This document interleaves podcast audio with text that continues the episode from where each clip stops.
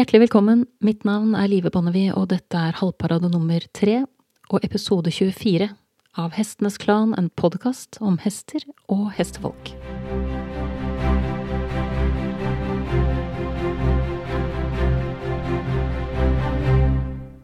Master trainer Benny Lindahl, eller Benedict som han egentlig heter, er blant de aller beste og mest interessante trenerne jeg har sett på Islands islandshest. Han er en usedvanlig god rytter myk, mild og tydelig. Dønn ryddige hjelpere, sitter nærmest urørlig i salen i alle gangarter, og er blant de få trenerne som har så myke hender at man virkelig legger merke til det når han rir, både i responsen i hesten og hvordan det ser ut. Jeg har sett ham undervise i Norge og har også vært så heldig å bo sammen med ham og familien hans i noen dager, da jeg var på Island for åtte år siden i forbindelse med research. Benny er en hestekar av den gamle skolen. Fåmælt, stillfaren og helved, som vi sier på norsk. Han er av mange regnet som en legende, og det jeg har sett av ham, er en trener som bygger stein på stein, og derfor kan bli for langsom i progresjonen for ryttere som har det travelt. Men han får gode og langsiktige resultater, og han lar seg aldri påvirke av at folk ønsker at ting skal gå fort. Han følger den rytmen som hesten har, og de trenerne jeg liker best, er jo nettopp av det slaget. Det er særlig tre ting jeg tok med meg fra min første klinikk med ham. Det første var i hvor liten grad han rir hesten på banen, i den grad han overhodet gjør det. De må ut i naturen, sier Benny. Det er der de har språket sitt. Benny red da typisk med en eller flere håndhester. Dette er jo en veldig klassisk islandsk måte å trene hester på, som sikkert vokser mye ut av at uh, islandshester uh, er litt som keiserpingviner. De er vant til å klumpe seg tett sammen når uh, vinterstormene står på som verst. Sånn at de, de har veldig lite problem med å være en gjeng som går veldig tett. Og er egentlig en veldig sånn omgjengelig type hest, sånn at å ha liksom to håndhester på den ene siden og tre håndhester på den andre er ikke helt uvanlig. Så han var um, opptatt av å ta dem ut i naturen, og, og, nettopp dette punkt nummer to, altså at de er flokkdyr. Så han ville trene dem sammen.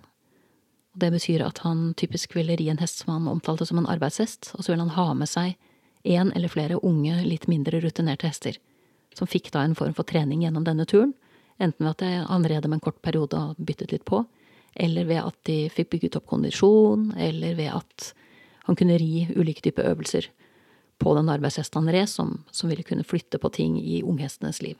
Han var veldig flink til å på en måte bruke de egenskapene, eller de, de mulighetene, da, som vokste ut av det at hestene var flokkdyr.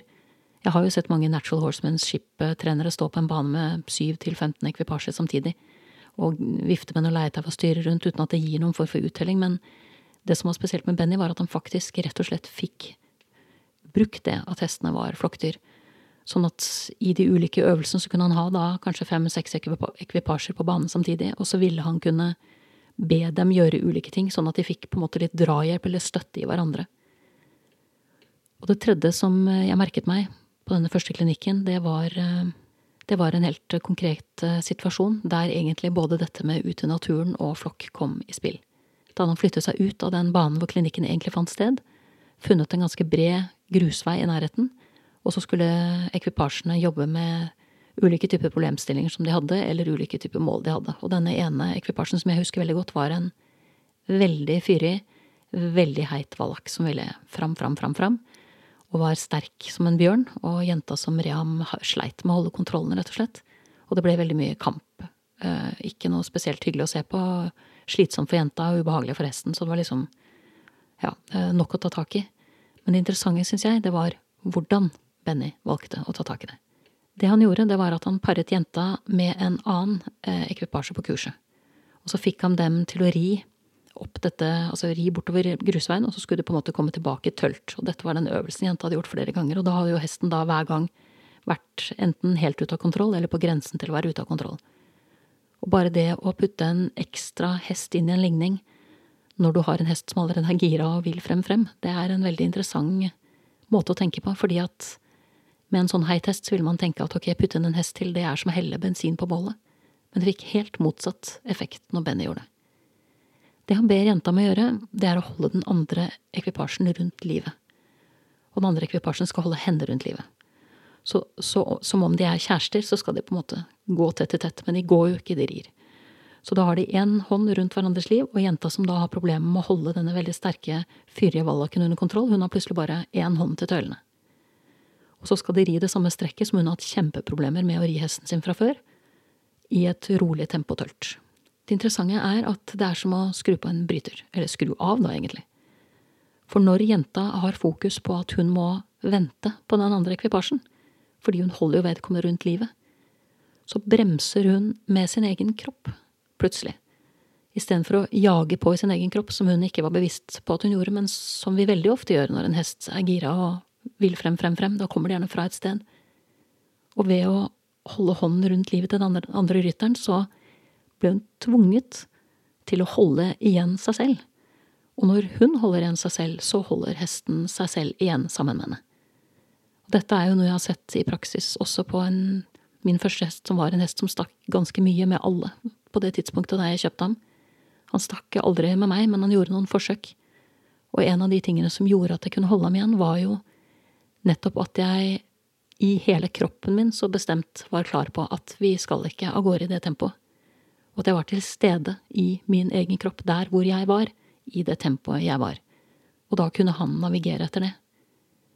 De seinere årene så har jeg også truffet en trener som sa at hvis du har en hest som trenger Vi ønsker jo selvfølgelig et stort fremad hos en hest, men hvis det blir et for stort fremad, altså så det blir enten ukontrollert eller altså hesten konstant går over takt, altså, og ikke finner på en måte roen i sine egne steg, så sa den treneren til meg at prøv å tenke deg at du går baklengs. Så bare få den følelsen og det skiftet i kroppen at nei, du går ikke fremover, du går bakover. Da vil du merke at litt av problemet til hesten din ofte er at du allerede har lagt din energi og din tankegang mange meter foran hesten fordi at du er oppjaget også, så har du bare ikke merka det selv. Men ved å hente deg selv inn og tenke at du går bakover, så kan du kommunisere til hesten gjennom ditt eget kroppsspråk at vi skal et annet sted, vi skal langsommere, vi skal mer her borte, her bak, og så vil hesten vente på deg. Det var en annen trener jeg red for som, som sa at uh, hesten er limt fast i rumpa di, så hvis du ikke går noen steder, så går ikke hesten din noe sted heller. Så Benny Lindahl, med denne enkle øvelsen med denne unge jenta og den fyre hesten og hånden rundt livet på den andre rytteren, ble en veldig sånn sterk påminnelse om hvor viktig det er hva slags energi vi legger i relasjonen, i ridningen og i måten vi kommuniserer med hesten på. It takes two to tango. Så hvis vi ikke lar oss by opp til den dansen, så, så blir det ikke heller en dans av det slaget. Du har nettopp hørt episode 24 og tredje halvparade av Hestenes Klan, en podkast om hester og hestefolk. Neste uke så skal du få møte veterinær Svein Bakke, som også er spesialist i hestesykdommer og har en doktorgrad i indremedisin på hest. Vi skal i utgangspunktet snakke om etikk og penger i hestesporten, men jeg kan allerede nå si at det ble et intervju som tok en uventet vending. Da gjenstår det bare for meg å takke min faste komponist Fredrik Blom, og sist, men ikke minst, takk til deg, kjære lytter, for tålmodigheten. Måtte hesten for alltid være med deg.